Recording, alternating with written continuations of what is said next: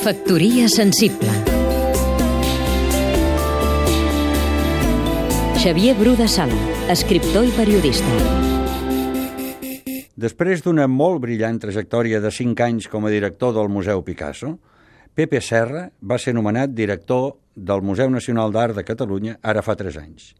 En els pitjors moments pressupostaris ha aconseguit posar el MENAC a l'agenda i que sigui d'actualitat i referent permanent. En primer lloc i per damunt de tot, destaca el projecte d'ampliació del museu amb els dos ja vetustos però estratègics palaus que es troben a mig camí de la plaça d'Espanya i de les escalinates del Manac. D'aquesta manera, el museu s'acosta psicològicament a la ciutat i guanya centralitat. Passarà d'estar situat a un lloc on sembla que hagis de fer una excursió per arribar-hi a posar-se, com aquell que diu, a peu de metro. Però la centralitat real es guanya d'una altra manera. Com sap molt bé i posa en pràctica el director, es guanya a la xarxa.